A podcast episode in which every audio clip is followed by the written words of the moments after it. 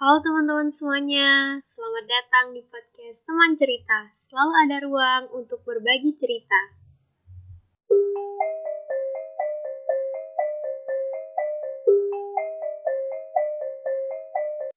Halo Bu Ani. Halo, Selamat sorry nak datang. lo, selamat datang. Nah begini nak, kalau WFH itu ya nggak bisa benar-benar yang kayak di kantor. Pasti ada yang membuntuti karena buntutnya juga dua gitu mbak. Jadi pasti gini mau rapat, mau apa, mohon maaf ya mbak ya. Iya nggak apa-apa Bu Ya. Ibu, gak apa-apa. Ibu, terima kasih Ibu sudah meluangkan waktunya Ya, buat datang di podcast teman kita. Ya, senang Iya. pernah Nah mungkin teman-teman di rumah ini kayak penasaran ya siapa sih Bu Anif ini gitu. Nah Ibu Anif Fatma Cawa ini merupakan dosen dari jurusan Sosiologi Fisip UB dengan salah satu fokus kajian risetnya itu tentang keluarga. Wah, tepat banget ya teman-teman cerita di rumah. Novana ngundang Bu Anif buat sharing di podcast teman cerita kali ini. Ditambah lagi dengan background Bu Anif yang pastinya udah banyak riset-riset tentang keluarga, pernikahan, dan sejenisnya. Aku sih merasa alhamdulillah banget dan gak sabar buat sharing-sharing bareng Bu Anif. Ya kan teman-teman cerita di rumah? Iya bener banget Mel, aku juga udah gak sabar nih. Nah semoga dengan kita ngari Bu Arif nih rasa penasaran kita ini terjawab dengan valid ya Mel ya. Ya, insya Allah. Dan aku nggak sabar sih intinya, Nok. Iya iya bener-bener. Jadi sebelum masuk ke pertanyaan tentang pernikahan dini, aku mau sedikit cerita nih. Dari podcast tentang MBA kemarin itu, yang aku pahami kalau ternyata salah satu faktor anak nikah dini itu karena terjadi eksiden seperti hamil di, di luar nikah. Tapi Bu, yang aku tahu juga kalau faktor nikah dini itu nggak cuman karena hamil di luar nikah, tapi ada banyak faktor lain. Nah, kalau menurut Ibu Arif sendiri, penyebab lain dari pernikahan dini itu apa saja sih Bu? Oke, iya. eh, makasih Maila. Eh, banyak ya, banyak faktor gitu ya. Kebetulan kalau penelitian langsung terkait dengan pernikahan pernikahan pernikahan ini masih proses. Cuman eh, beberapa kali saya juga membimbing mahasiswa baik S1 maupun S2 yang eh, apa namanya mengkaji tentang eh, pernikahan dini. Dari dari perspektif sosiologis tentu banyak hal ya yang yang apa namanya bisa menyebabkan ya eh, kenapa pernikahan dini itu bisa terjadi gitu. Nah, jadi kalau yang di sinetron itu sebenarnya hanya apa ya nak ya eh, hanya simpel ya yang diketahui oleh masyarakat itu biasanya karena apa namanya namanya, merit by accident ya dan itu Iya. memang ada itu itu itu, itu, itu memang memang terjadi jadi banyak nih mis- misalnya anak-anak yang, yang apa namanya remaja karena pergaulan eh, apa namanya bebas kemudian karena paparan media masa yang luar biasa ya yang tidak terkontrol ya penggunaan apa gadget ya eh, itu yang kemudian bisa memicu terjadinya pernikahan jadi pengaruh media juga bisa menjadi salah satu eh, faktor penyebab munculnya pernikahan ya penggunaan eh, media massa yang tidak terkontrol gitu ya nak ya. Dan saya pernah ini nak apa namanya membantu pemerintah di Gresik itu untuk membentuk kami temukan ya eh, media massa ini sungguh menjadi faktor yang luar biasa yang kemudian menyebabkan anak itu memiliki perilaku apa ya seksual yang negatif dalam arti karena dia terpengaruh dari media massa. Nah, itu itu faktor pertama nah faktor kedua itu juga sering ditemukan dalam penelitian baik skripsi maupun itu yang merupakan faktor utama sebenarnya adalah ekonomi jadi eh, faktor ekonomi dan itu kaitannya kaitannya erat kaitannya dengan budaya patriarki. Jadi tidak bisa apa namanya dilepaskan. Apa itu budaya patriarki? Itu sebuah budaya yang eh, menempatkan eh, perempuan itu stratifikasinya secara tingkatannya atau stratifikasinya itu lebih apa ya lebih rendah dibandingkan laki-laki namanya budaya patriarki. Biasanya dalam sebuah daerah beberapa daerah kok di Jawa Timur ada di Madura ada di, Jawa Timur kan juga Madura. Maksud saya di beberapa daerah di Jawa Timur tidak harus di luar Jawa itu terutama di apa daerah-daerah yang secara ekonomi tidak apa ya eh, eh, rendah gitu ya masyarakatnya menengah ke bawah lah. Itu banyak sekali ditemukan eh, keluarga itu kemudian menikahkan anaknya itu sedini mungkin agar mereka cepat terbebas dari jeratan kemiskinan. Jadi misalkan mereka punya anak tiga gitu ya, atau empat biasanya banyak gitu ya. Kebetulan yang anak pertama gitu ya, itu adalah perempuan. Itu pasti kemudian mereka cepat dinikahkan dengan asumsi untuk mengurangi beban eh, apa namanya ekonomi orang tua gitu ya. Karena apa? Menurut uh, menurut asumsi mereka gitu ya, uh, apa ya perempuan itu kan budaya patriarki ya tidak perlu sekolah tinggi gitu ya karena apa namanya mereka tugasnya hanya di kalau orang tua bilang tuh hanya dapur sumur kasur ya kan ya? Apa namanya nak uh, ya sudah gitu loh. Yang sudah besar aja ngapain kok uh, apa namanya uh, nggak cepat-cepat dinikahkan toh perempuan tuh kenapa harus sekolah tinggi tinggi jadi uh, apa faktor kemiskinan kemudian dikaitkan dengan budaya patriarki kemudian itu yang memunculkan apa ya eh, faktor penyebab utama banyaknya pernikahan. Itu faktor kedua ya nak.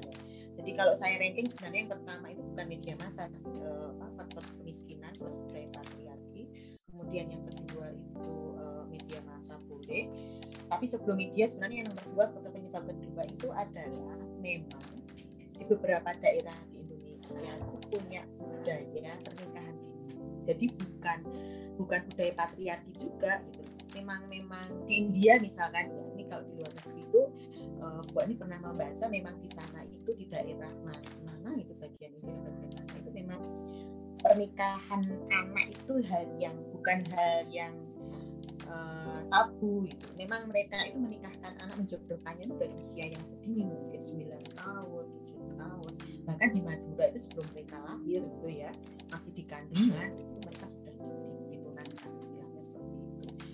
uh, ada beberapa uh, apa ya uh, itu ya. Jadi beberapa di uh, beberapa mungkin ini asumsinya adalah bukan patriarki ya di, beberapa budaya tersebut. Yang paling utama adalah um, mereka biasanya malu gitu ya. Karena sudah menjadi budaya itu ya. Mereka malu kalau anaknya tidak cepat menikah. Masih banyak sih gitu. Uh, apa namanya uh, mungkin ada sedikit patriarkinya juga itu ya. Apalagi kalau perempuan tidak cepat di Makassar itu ya dan juga di Sulawesi itu memang ya pernikahan itu buat mereka tidak kalau uh, disebut pernikahan dini itu ya itu kan karena pemerintah jadi pemerintah itu menetapkan usia menikah ideal itu buat laki-laki 19 kalau nggak salah ya yang update ya. Kalau tadi tidak salah. Mohon maaf kalau di apa uh, apa namanya tidak tepat nanti dikoreksi saja yang perempuan itu 18 tahun. Nah ketika pernikahan itu di bawah usia itu itu disebut dengan pernikahan dini nah masalahnya banyak budaya masyarakat itu yang sudah ada jauh sebelum ada peraturan pemerintah tentang tentang usia pernikahan yang ideal.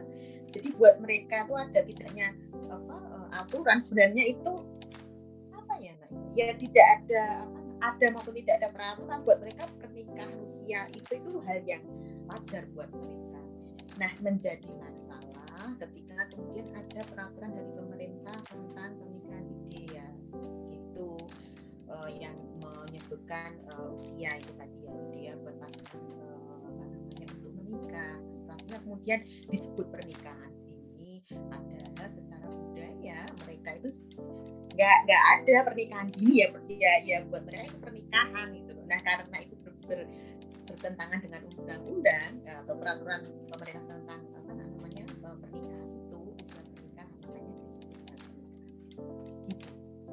banyak ya tadi ada beberapa faktor uh, yang, yang ekonomi kemudian budaya yang ketiga mungkin media massa. Itu faktor utamanya banyak yang lain juga agama juga bisa. Jangan salah kan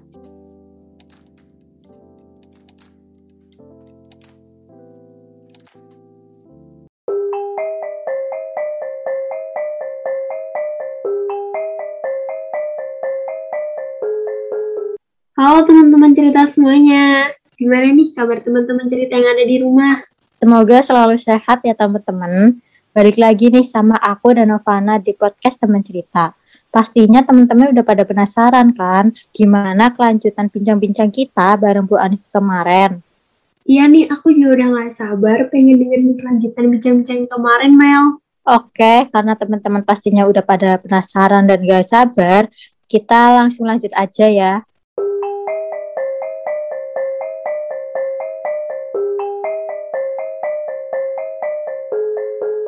Menurut Bu Anif nih, bagaimana sih tren pernikahan dini di Indonesia sekarang ini? Nih, fenomena kalau kalian pahami, oh hijrah ya? Iya, Bu. Hijrah ya. Nah, Iya. sangat salah loh. Itu bukan masalah media massa, karena yang menikah biasanya juga eh, kayak mahasiswa gitu ya, atau maksudnya yang yang sebenarnya sudah bisa memiliki kontrol itu ya terhadap pernikahan. Cuman ya karena tren lifestyle itu ya, eh, yang dibawa itu ya, bahwa eh, pengetahuan masyarakat tentang apa itu zina, tentang eh, pengetahuan mereka tentang agama itu mungkin tidak cukup komprehensif gitu ya. Akhirnya kemudian memunculkan lifestyle namanya eh, pernikahan eh, dini itu ya. Bahkan di masjid-masjid tertentu itu apa ya justru menyediakan kayak semacam ruang ya buat mahasiswa jadi kayak siapa siap nikah gitu ya dikasih form gitu ya ini ini, ini. jadi kayak apa ya kayak biro jodoh gitu ya. itu dilakukan oleh beberapa masjid itu seleb hijrah kayak semacam lifestyle gitu. dulu kalau nggak salah itu yang mengawali si siapa nak Eh, putranya Ustaz Arifin Ilham itu loh so si nak yang istrinya eh, Vanessa Choi itu loh si Yang Alvin kemarin ya? itu cerai. Iya, Bu. Ah, Alvin. ah, ya si Alvin itu Ilona.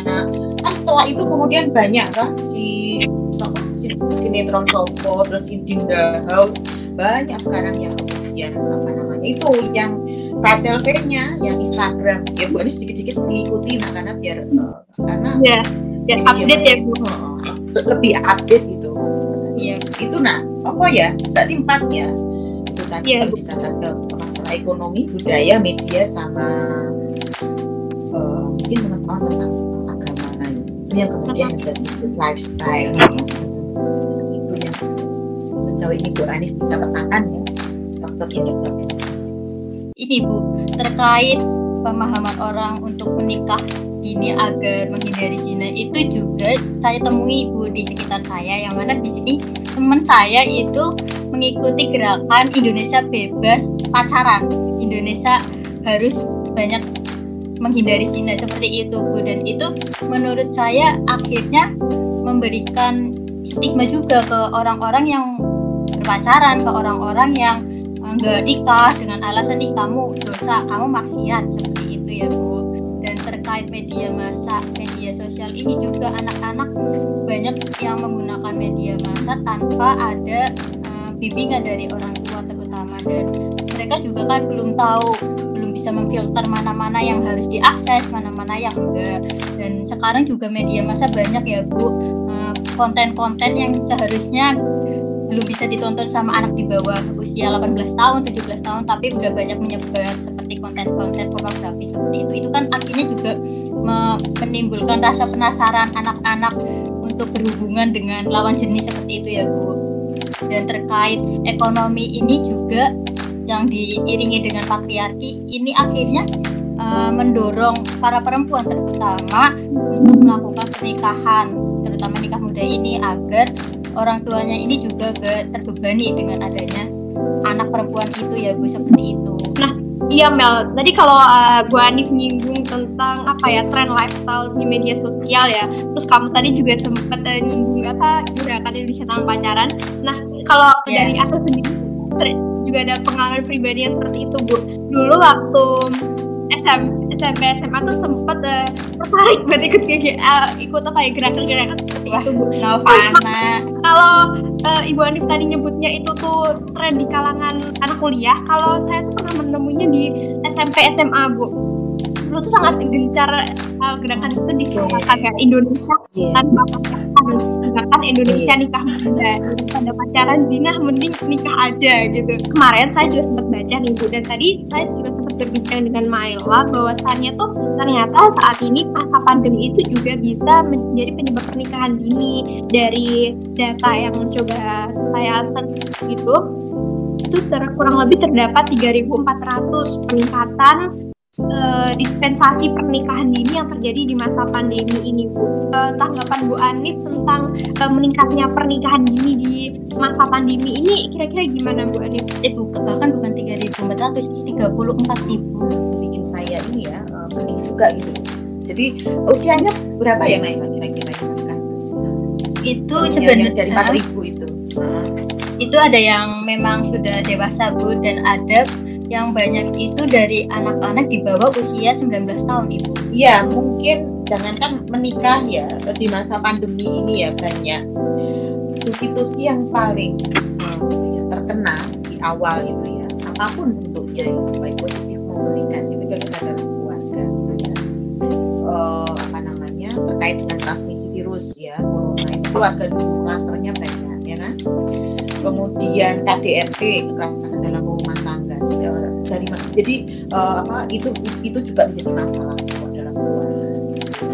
Kemudian masalah apa nama karena apa pandemi kemudian secara ekonomi banyak yang apa namanya eh, menurun ya pendapatannya dan sebagainya. Akhirnya kemudian menjadi KDRT kemudian banyak juga kelahiran gitu ya. Eh, karena pandemi ini kemudian banyak apa ya pasangan yang produktif dan nanti kemudian apa namanya mereka memiliki anak lagi dan sebagainya. Nah mungkin pernikahan itu juga menjadi apa namanya eh, varian lain ya yang eh, atau isu lain yang dihadapi oleh keluarga itu luar luar biasa ya masalah yang dihadapi oleh keluarga di masa pandemi itu. Nah kalau Mungkin Iya. tambahan aja ya Bu dari apa Heeh. data meningkatnya pernikahan dini tadi ini saya baca ya biar lebih itu salah satunya kami ngambil dari pengadilan agama beberapa kota yang ada di daerah istimewa Yogyakarta yang menyebut Mm-mm.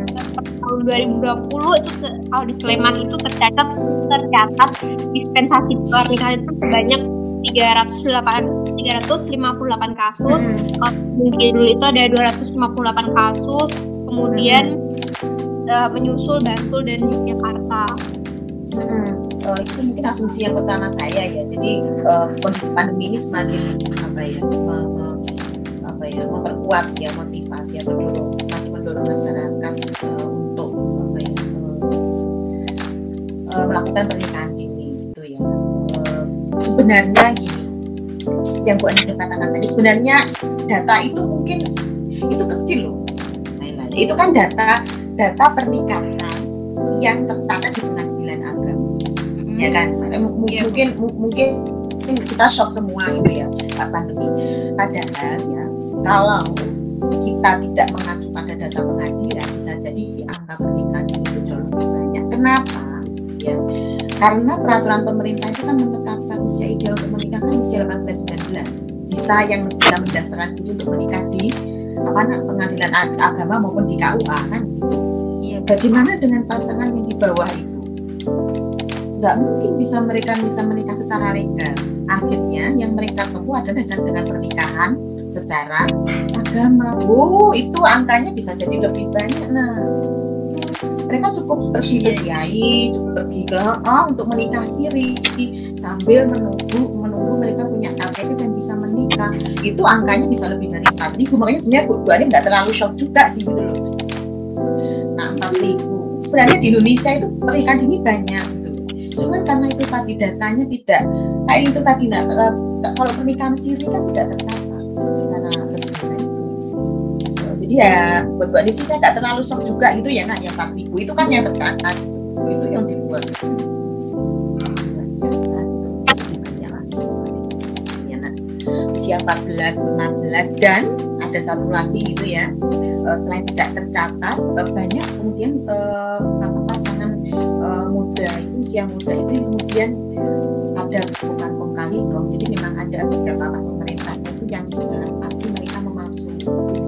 bisa dari orang tuanya bisa dari aparatnya jadi eh, harusnya usianya 15 kemudian diupgrade menjadi 17 tahun sehingga mereka bisa menikah. Oh, itu itu belum belum diungkap lagi datanya. Jadi kalau sebenarnya di kita ungkap semuanya itu lebih mungkin 3 sampai 4 menit gitu man oh iya bu Iya, pas pas baca data itu agak shock kok banyak banget nyampe puluhan ribu. Tapi ternyata sebenarnya masih banyak lebih banyak lagi ya, apalagi pernikahan lebih banyak secara agama itu kan gak di gak dicatat. tercatat Iya, Bu. iya belum lagi yang usianya dipalsukan Oh iya iya. Aku kalau aku baru tahu Bu, ternyata bisa aja usianya itu dipalsukan biar lolos Oh, iya. nikah. Oh itu itu itu itu sudah segojangan ya? Bukan hal jadi tapi menarik juga gitu loh nah ketika pandemi kemudian kok banyak yang menikah.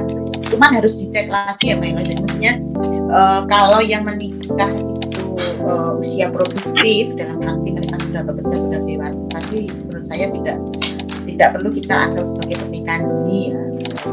Tapi kalau memang ternyata menikahnya usia SMP gitu ya atau SMA nah itu kemudian menjadi masalah. Nggak tahu datanya itu secara clear menjelaskan yang usia tadi ada ya. Kalau dari datanya itu usia kalau uh, menjelaskan kalau 34 ribu itu yang mengajukan permohonan menikah selama pandemi. Tapi di situ nggak menjelaskan untuk nom, untuk untuk kuantitas dari anak yang usia dini itu berapa itu nggak menjelaskan. Uh -uh. Ya kalau tercatat di pengadilan agama berarti harusnya mereka ini ya legal ya usianya sudah ideal atau bagaimana? Jadi kepo maksudnya mau saya teliti. Yang tadi pengadilan agama terutama yang -uh. di itu. Kalau untuk yang pengadilan agama tadi itu kita nyarinya di kolom dispensasi pernikahan. Oke. Okay artinya pernikahan itu tercatat ya nak ya di pengadilan ada agama atau apa kalau tercatat ya. biasanya mereka sudah bisa memenuhi bisa memenuhi usia perkawinan uh, cuman gini loh apa namanya mungkin pertanyaan pertanyaannya adalah uh, ternyata uh, pandemi itu tidak hanya dampaknya dalam arti yang negatif ya KDRT tapi juga pembentukan keluarga di masa pandemi itu semakin meningkat. Mungkin itu ya. Tapi mungkin uh, menurut saya kalau masih mahasiswa pun meskipun mereka sudah masuk ke undang-undang gitu ya nah undang-undang perkawinan saya pikir kalau masih mahasiswa gitu ya mereka belum apa ya mampu secara ekonomi dan menikah itu juga nantinya itu yang saya khawatirkan itu ledakan penduduknya itu. Dari 4000 itu pasti sangat muda itu nanti kan setahun dua tahun itu bisa berkembang. Jadi banyak